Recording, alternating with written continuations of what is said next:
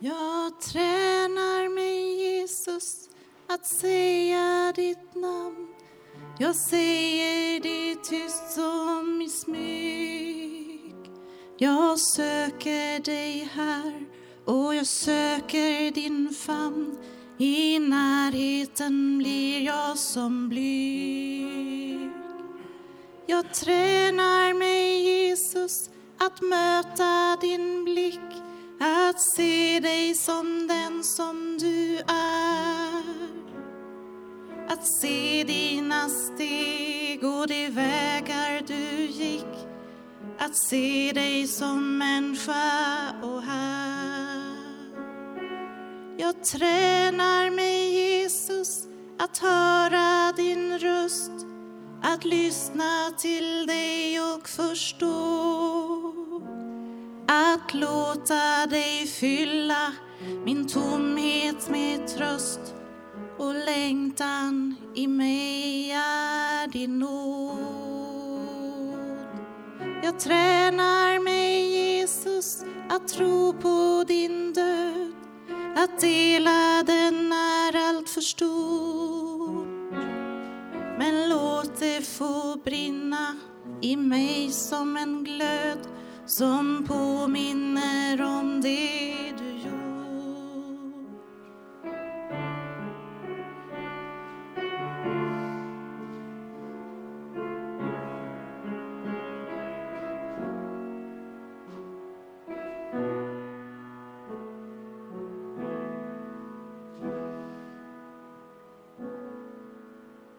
Varmt välkommen hit till Olivehällskyrkan för att fira gudstjänst idag. Idag är det den andra söndagen i påsktiden. Och vi ska få vara kvar i den här fantastiska berättelsen om hur Jesus har uppstått och vad han gör när han har uppstått, hur han möter sina vänner som uppstånden. Vi ska få göra det genom att lyssna till Guds ord, genom att vara tillsammans i sången och i bönen. Sen efter gudstjänsten under kyrkfikat så kommer det vara församlingsmöte. Och sen kan jag säga också att nästa vecka på gudstjänsten så kommer vi ha en insamling till Ekumeniakyrkans arbete med barn och unga. Så kan du lägga den infon i bakhuvudet. Men nu ska vi vara här tillsammans inför Gud. Just därför att Jesus är uppstånden och att vi därför kan räkna med och förvänta oss att han möter oss här just nu och att han vill vara vår vän. Vi ska be en bön tillsammans ifrån Guds ord, ifrån Saltaren 145. Och den kommer upp här på skärmen bakom mig, så ska vi, ska vi be. Där det står en sån här romersk etta. Där får ni som sitter på predikstolssidan B tillsammans med mig. Och där det står en romersk tvåa, jag hoppas ni ser så långt. Där får ni be den raden. Så lovar vi Gud med Guds egna ord. Låt oss be. Jag sjunger om din storhet, Gud min konung.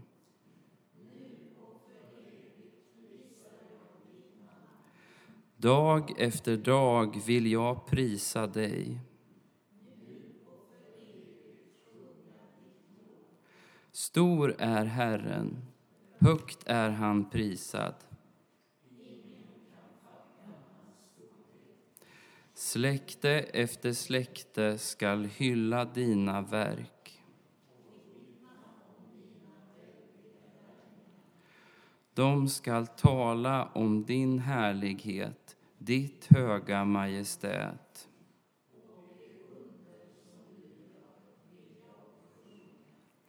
De skall prisa din fruktansvärda makt. De skall ropa ut din stora godhet. Ära vare Fadern och Sonen och den heliga Anden nu och alltid och i evigheters evighet. Amen.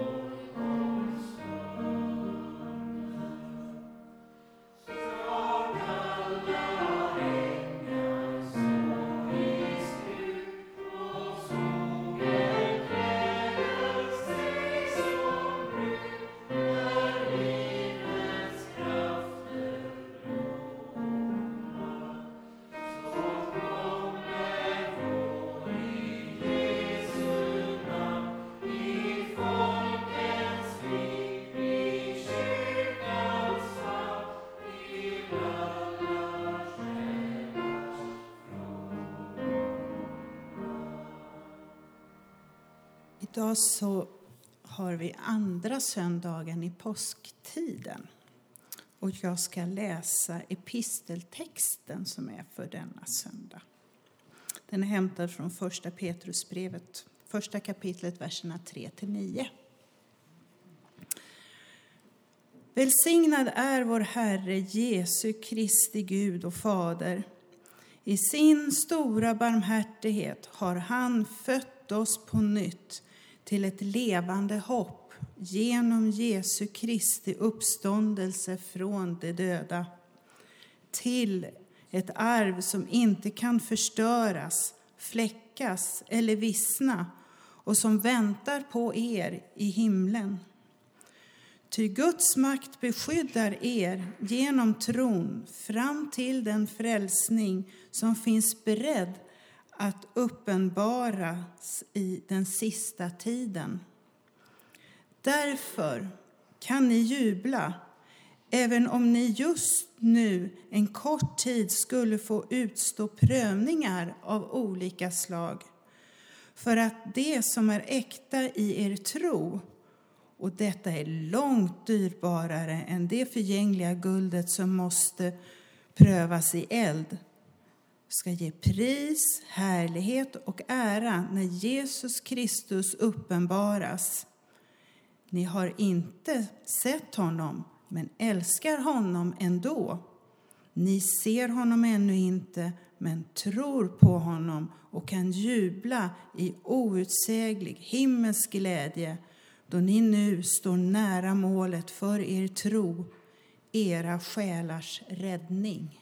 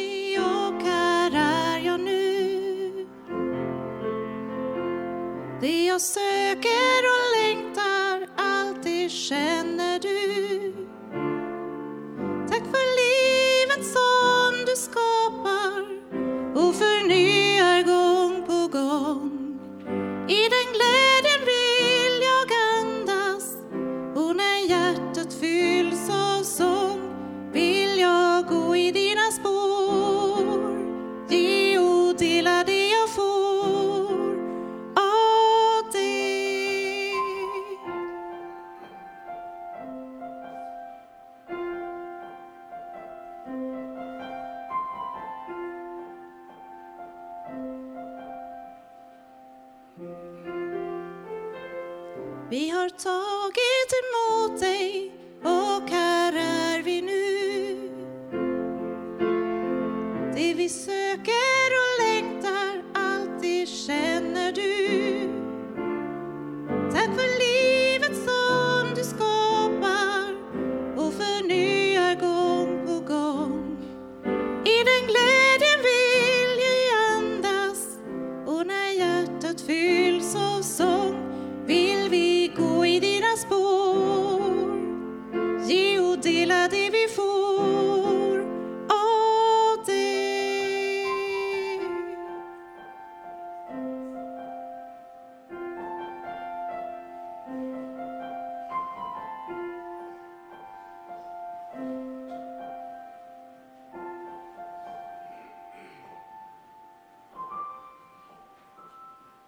Jag ska fortsätta med att läsa dagens evangelium ifrån Johannes evangeliets 20 kapitel, verserna 24 till 31.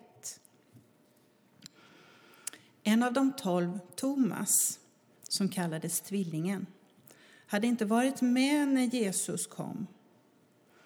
De andra lärjungarna sa nu till honom, vi har sett honom, Herren. Men han sa, om jag inte får se spikhålen i hans händer och sticka fingret i spikhålen och sticka handen i hans sida tror jag, in, tror jag det inte. En vecka senare var lärjungarna samlade igen och Thomas var med. Då kom Jesus, trots att dörrarna var reglade, och stod mitt ibland dem och sa Frid åt er alla. Därefter sa han till Thomas Räck hit ditt finger, här är mina händer.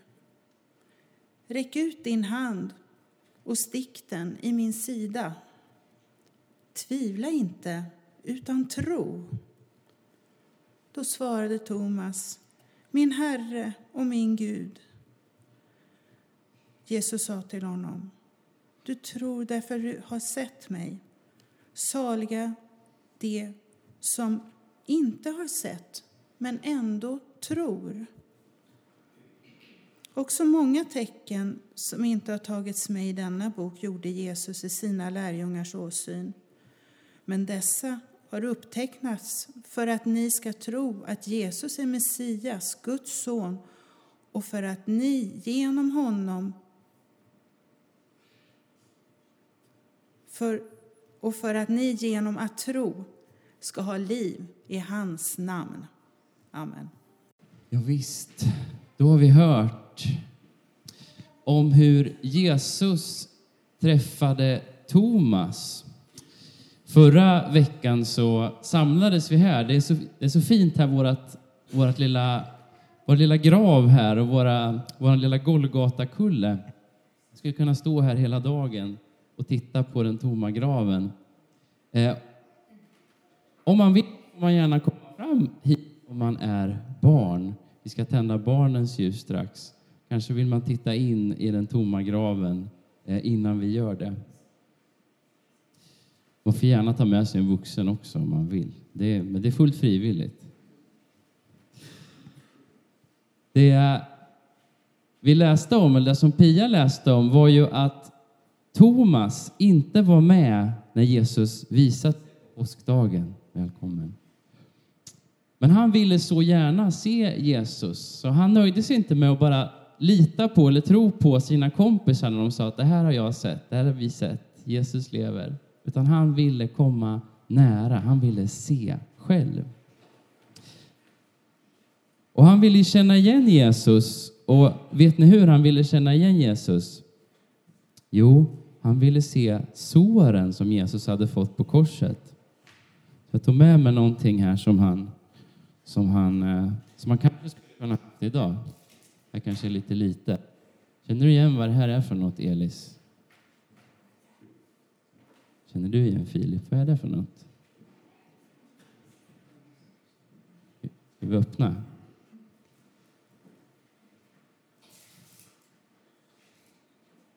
Titta. Plåster, ja, säger du. Har ni haft plåster någon gång? Ja.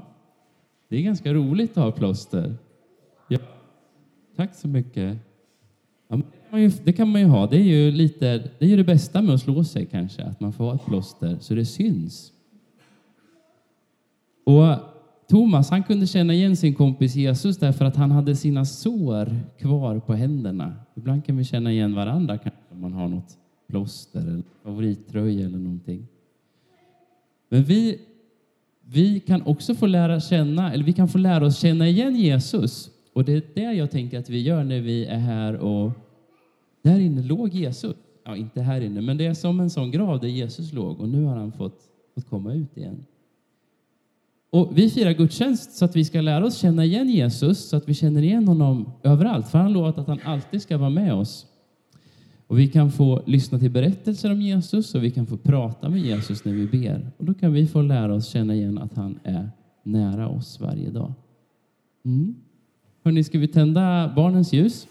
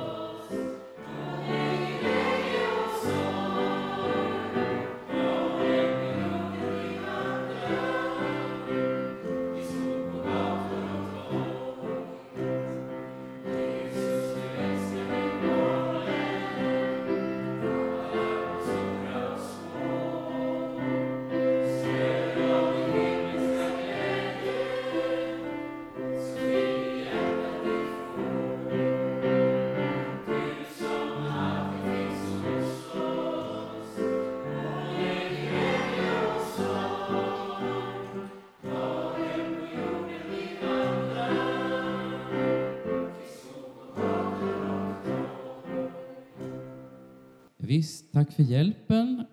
Uh, nu ska vi fortsätta sjunga tillsammans om ett vittnesperspektiv på påsken kan man säga. Mina händer är fulla av blommor. Och eh, medan vi gör det ska vi ta upp en kollekt, en frivillig gåva till församlingens arbete som man gärna får swisha in. Eller så kan man lägga pengar i kollektboxen vid dörren. Just nu står det ingen där, men den kommer säkert på plats så småningom. Tack för din gåva.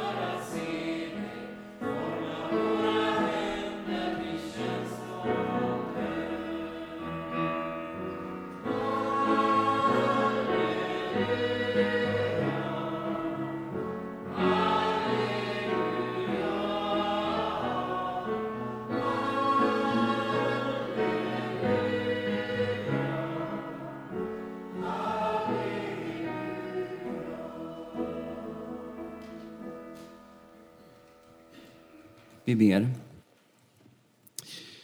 Tack himmelske Fader för det ord vi har fått höra.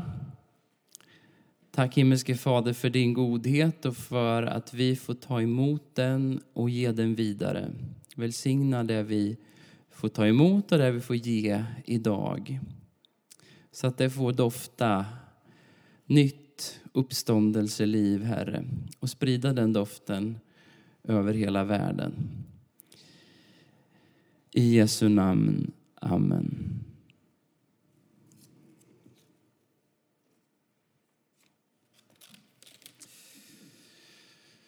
Hur ser livet ut efter ett, att ett mirakel har skett?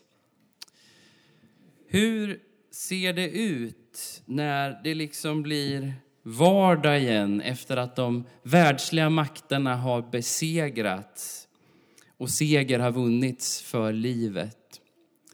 En liten sån ögonblicksbild får vi idag i evangeliet när vi får följa med till det rum där Jesu lärjungar befinner sig precis en vecka efter att Jesus har uppstått och första gången har visat sig för dem.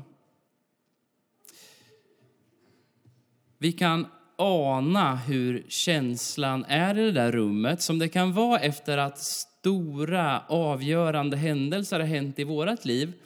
Man kan vara uppfylld av glädje över någonting, något man varit med om, någonting stort som har hänt som liksom finns kvar i en. Och så går man ut och så är det ju mycket som inte har förändrats i världen och ibland kan det kännas som en krock. Efter det första mötet med Jesus så berättar evangelisten Johannes att lärjungarna blev glada.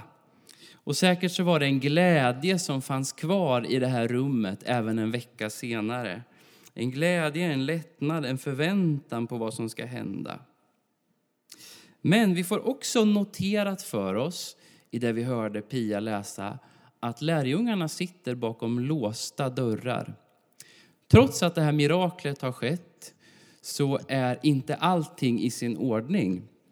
Hotet mot dem som associeras med Jesus, som blivit dödsdömd, det är inte borta. De måste fortfarande hålla låg profil och akta sig för dem som var ute efter Jesus kanske också kommer efter dem. Och så är det det här med Thomas då. Han som inte delar glädjen på samma sätt som de andra. Någon föreslog lite skämtsamt att Thomas han borde bli skyddshelgon för alla som väljer att åka på semester under påskhelgen. De som liksom missar själva glädjen på, på påskdagen men som kommer en vecka senare. Och det är fint att glädjen får gälla även för dem. Det är bibliskt eh, och bra. Av någon anledning så fanns han inte med bland de andra den där första kvällen när Jesus kom till dem i det där rummet. Och när han får höra vad de andra påstår sig ha varit med om så reagerar han på ett sätt som jag tycker är ganska coolt. Vi kan ju tänka en stund på alla sätt han skulle kunna reagera på att få höra att de andra säger att de har sett Jesus, men att han inte såg. Om han verkligen skulle leva upp till sitt ganska negativa smeknamn som han fått, Thomas Tvivlaren, då kanske han skulle ha sagt, jaha, säger ni det? Har ni sett Jesus? Ja, det var ju intressant. Vad kul för er, men nu ska jag fortsätta med mitt korsord.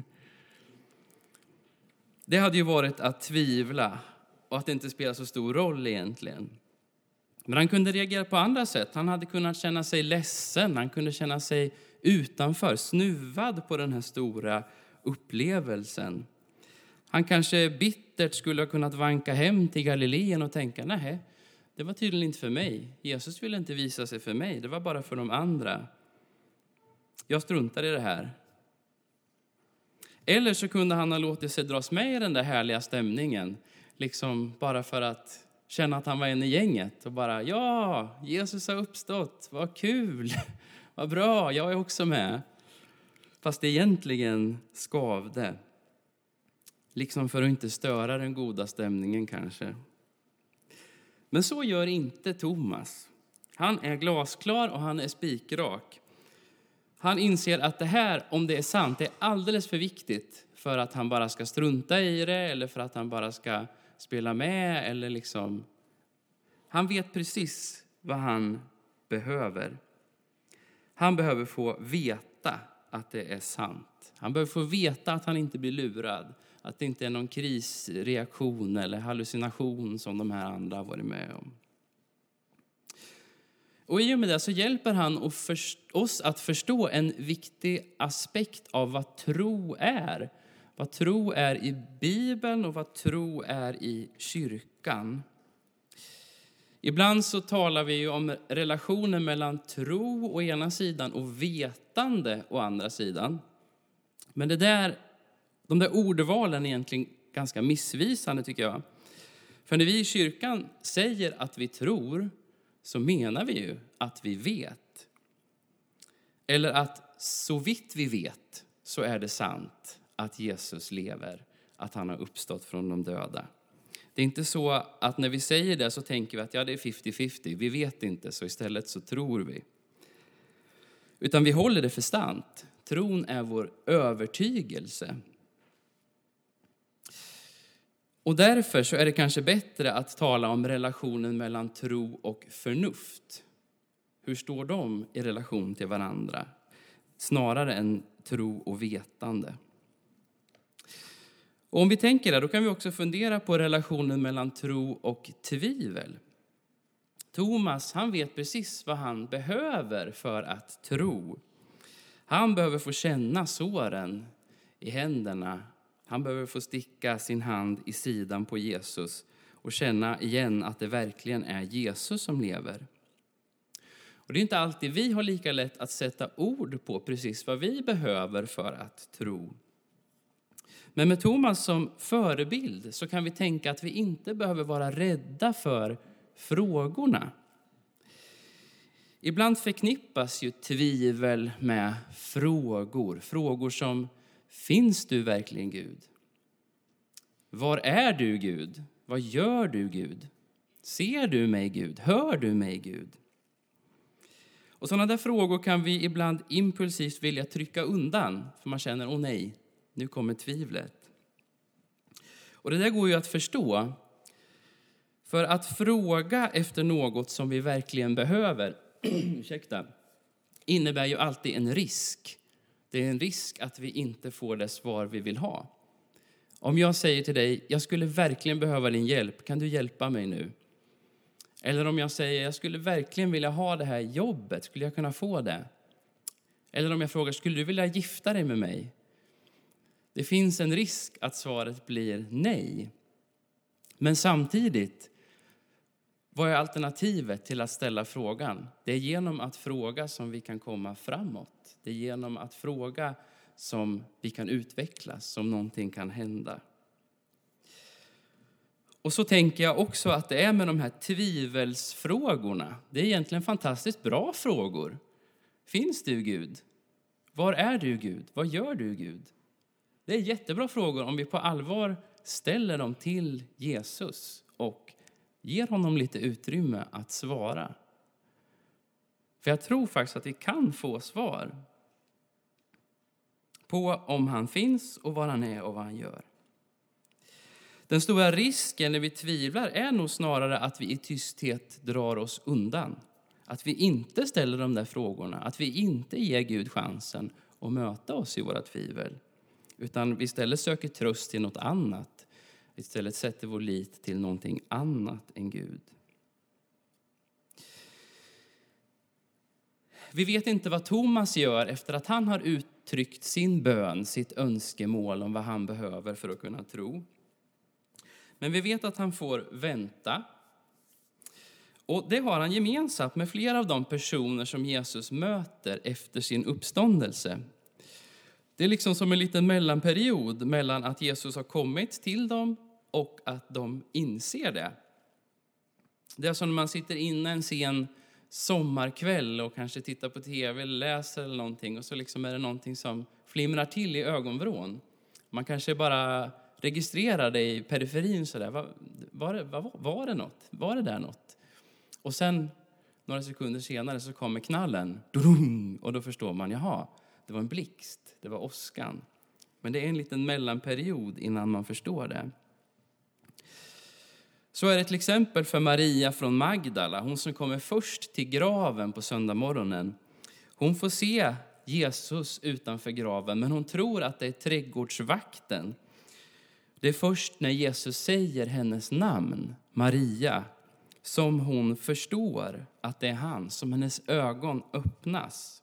Hon får vänta några minuter och sen så får hon det hon behöver för att tro för att förstå att det är Jesus.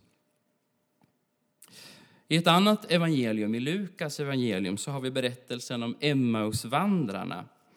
De är på väg hem efter den här påskhelgen och Jesus hinner ikapp dem och frågar vad de pratar om. Och så berättar de det och så får de höra Jesus predika om hur Bibeln, det vill säga Gamla testamentet, har talat om att Jesus, Messias, skulle komma till jorden och dö och uppstå igen. Och sen på kvällen när de ska äta kvällsmat tillsammans så läser Jesus välsignelsen över måltiden och så bryter han brödet. Och då öppnas deras ögon och de ser att det är han. Emmausvandrarna fick vänta en hel dag. Men sen fick de det de behövde för att tro. De fick kunskap och insikt i Bibeln och de fick känna igen Jesus i den heliga måltiden. Och lite så är det om vi återvänder till det låsta rummet en vecka efter påsk. För där kommer ju Jesus igen. Trots den låsta dörren så står han mitt ibland sina vänner och hälsar dem återigen med frid. Och så vänder han sig direkt till Thomas som inte hunnit säga ett pip. Och så ger han Thomas svar på hans bön. Han får precis det han behövde för att kunna tro. Han får möjlighet att sticka sitt finger i spikhålen och sin hand i sidosåret. Och jag tycker det är så häftigt att lägga märke till att, att det inte berättas i texten om Thomas gör det. Det står inte om han sticker in fingret. Kanske behövde han inte det när han väl fick chansen. Vi vet inte. Vi får bara veta att Jesus erbjuder det men att Thomas svarar min Herre, min Gud. Denna fantastiska bekännelse som vi som kyrka och som jag och du får dela med Thomas. Att Jesus är vår Herre, att Jesus är vår Gud.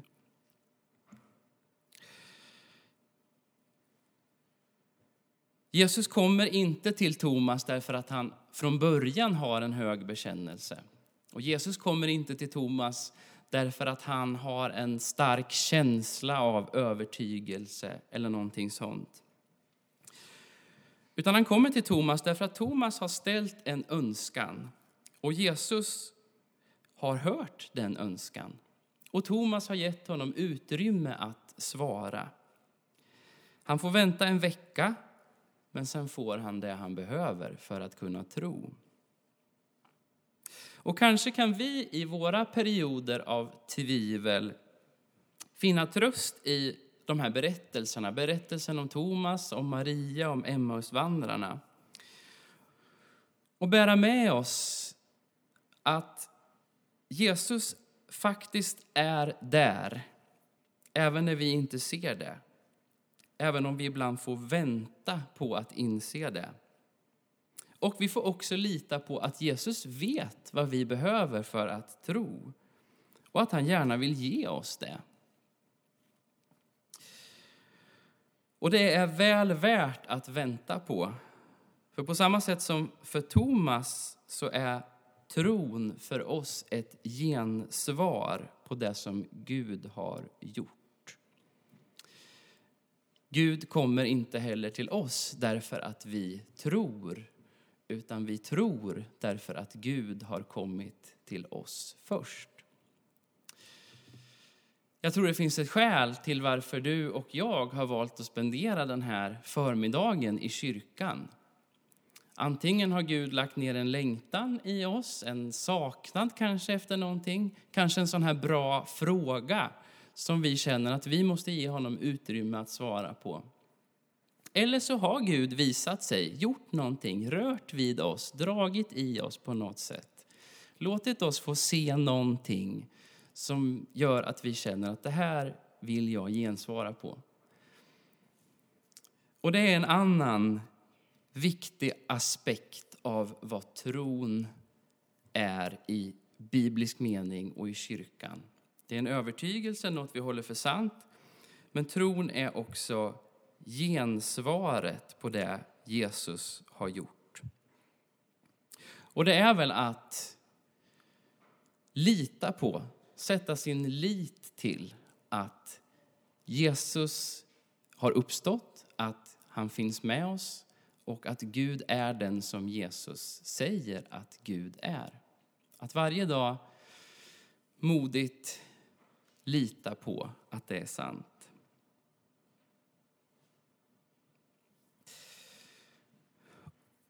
När Thomas får den här erfarenheten så blir han ett påskens vittne. Att vara ett vittne är ju att berätta sin berättelse. Att säga det här har jag varit med om, det här har jag sett. Och vi kan bli påskens vittnen genom dels att lyssna till någon som var med när det hände. Bibelns berättelser som har bevarats genom tusentals år för att också vi skulle få ta emot de här underbara nyheterna. Och vi får bli påskens vittne genom att fira påsk tillsammans och leva oss in i de här berättelserna så att de blir aktuella, lika aktuella idag som de var då. Men så finns också det här tredje viktiga steget och det är det djupt personliga mötet med den uppståndne Jesus. Erfarenheten av att Jesus är levande Gud som finns också hos dig och mig och som vill räcka oss den gåva som han gav hela världen på korset och i sin uppståndelse. Låt oss ge Gud utrymme att bli vittnen. Tack himmelske Fader för att du har uppväckt Jesus. Tack för att han finns för oss och med oss varje dag. Jag ber att du i våra perioder av tvivel ska påminna oss om att du är där och ge oss det vi behöver så att våra ögon öppnas och vi ser det. Jag ber att du ska ge oss modet att våga lita på att du är den du säger att du är. Att du finns med oss varje dag och leva ett sånt liv som vittnar om det vi har fått se, det vi har fått vara med om.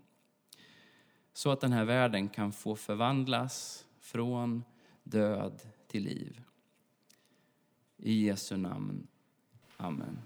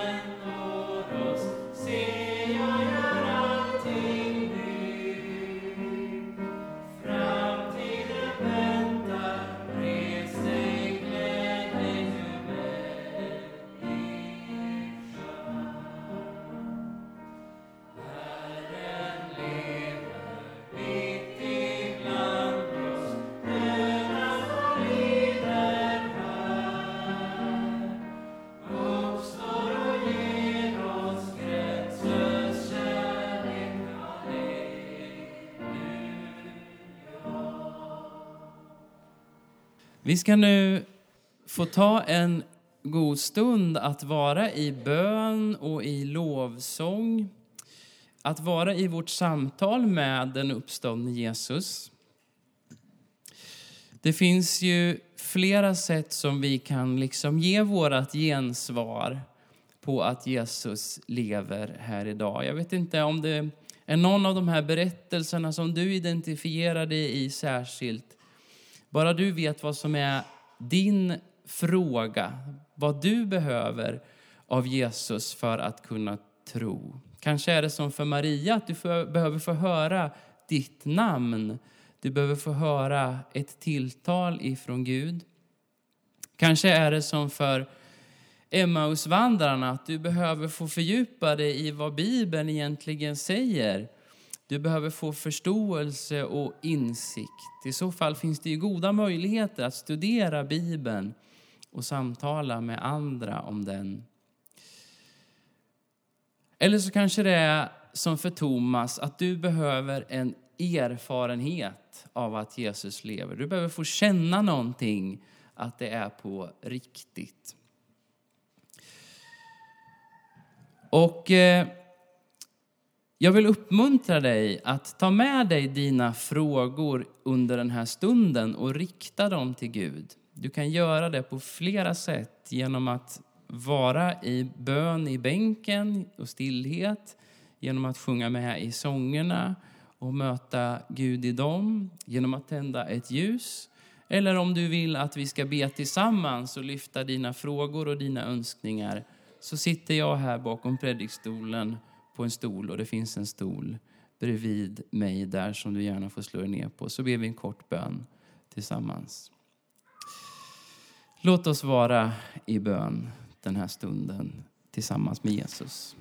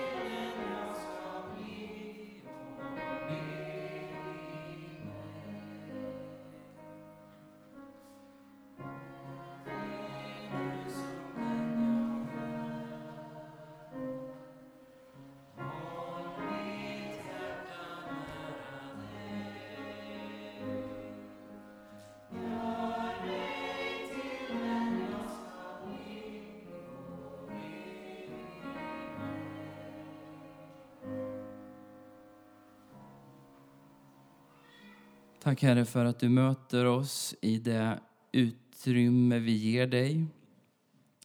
Tack för att du kan ta dig in bakom lyckta dörrar. Jag ber att du ska göra det, Herre, i våra liv, i fler och fler människors liv. Kom och låt oss få öppnade ögon för dig. Be för alla de frågor som har riktats till dig under den här stunden. Kanske nya frågor eller frågor som har hängt med många år. Jag tackar dig för att vi får vara vissa utifrån ditt ord om att du hört dem och sett dem.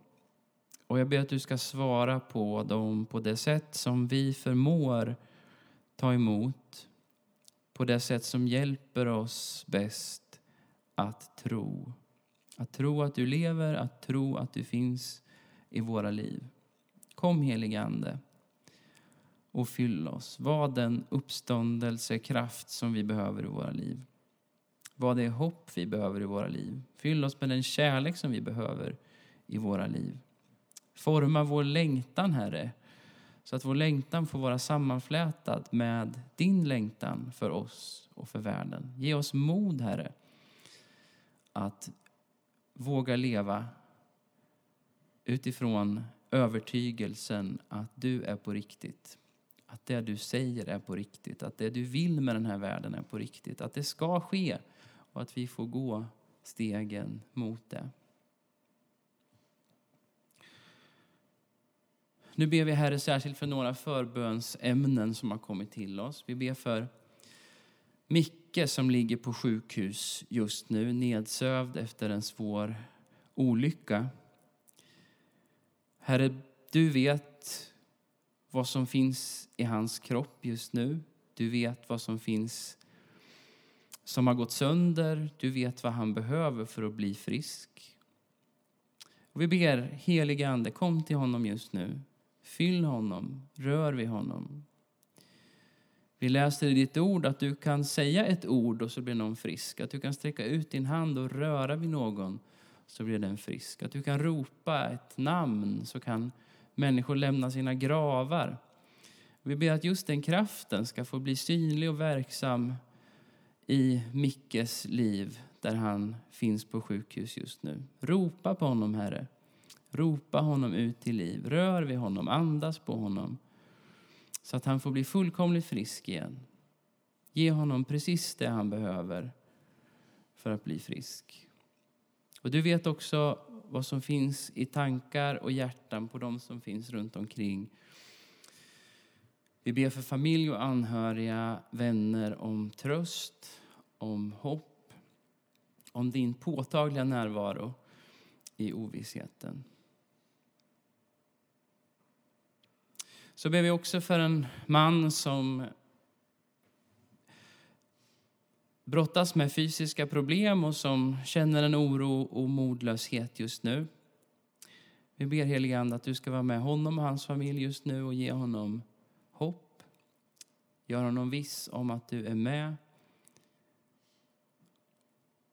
Ge honom styrkan att vänta och ge honom dina goda gåvor i form av helande.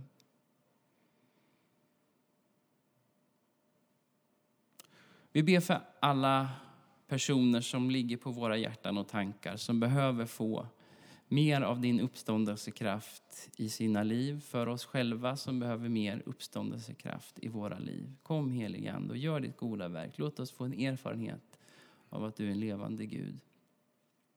Vi ber också för alla våra ortodoxa syskon som firar påsken den här helgen. Att du ska välsigna dem rikt och låta dem få se din uppståndelses ljus i sina liv, var de än befinner sig. Vi ber så i Jesu namn och vi ber tillsammans den bön som Jesus har lärt oss. Vår Fader, du som är i himlen. Låt ditt namn bli helgat. Låt ditt rike komma. Låt din vilja ske på jorden så som i himlen. Ge oss idag det bröd vi behöver och förlåt oss våra skulder liksom vi har förlåtit dem som står i skuld till oss. Och utsätt oss inte för prövning utan rädda oss från det onda. Ditt är riket, din är makten och äran i evighet. Amen.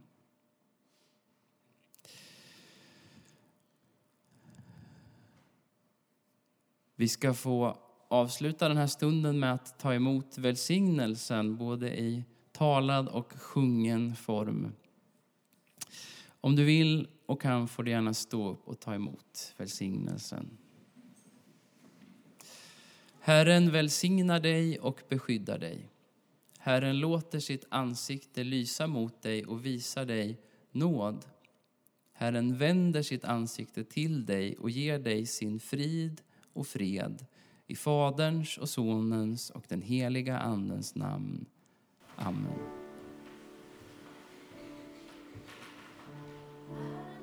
Signe dig och bevare dig Låt sitt ansikte lysa och vare dig nådig. Herren vände sitt ansikte mot dig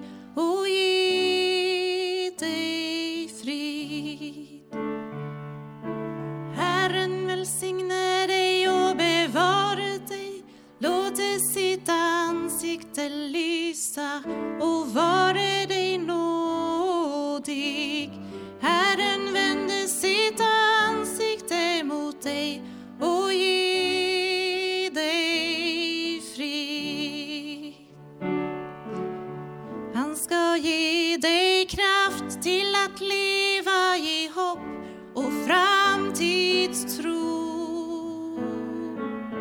Han har sagt kom till mig du som strävar och jag ska ge